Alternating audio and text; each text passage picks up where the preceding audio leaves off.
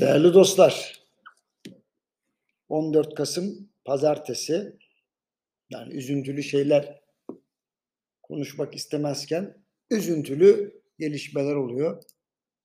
Şimdi İstanbul'da bir pazar günü masum insanları hedef alan bir terör saldırısı yaşadık. Oldukça alçakça diyeyim neden? Çünkü çocuklar, ebeveynleri, masum insanlar yürürken kurban gittiler.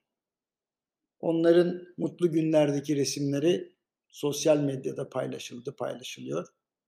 Baktıkça tabii içinizde fırtınalar kopuyor.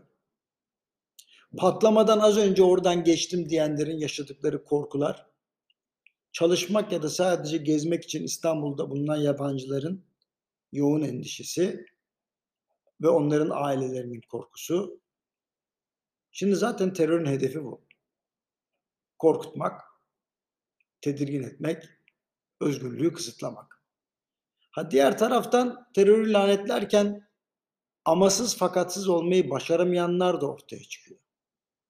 İki yüzlü davrananları götür, gösteriyor bize. Ancak olan ne oluyor biliyor musunuz? Kurbanlara ve ailelere oluyor.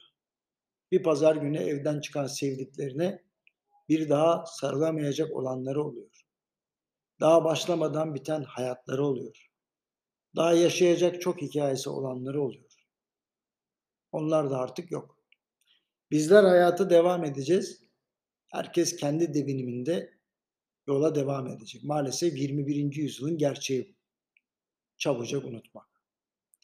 Sabah çok erken kalkıp sokağa çıktığım için konuştuğum herkes çok yorgunum dedi bana. Ruhlar yorulmuş artık. Bedenlerin arkasında sürükleniyor, toz içinde. İnsanların aklı ise beden ve ruhun bu kirlenmişliğinden nasip almamak amacıyla bir karış havada seyrediyor. Çoğunlukla aklın işte bu bize kötü gelen hali acılı zamanlarda şuursuzluk reçetesi gibi imdada koşuyor. Bugün yazacağım, söyleyeceğim bir şey yok dostlar. Yarın bakarız. Yarın görüşmek üzere.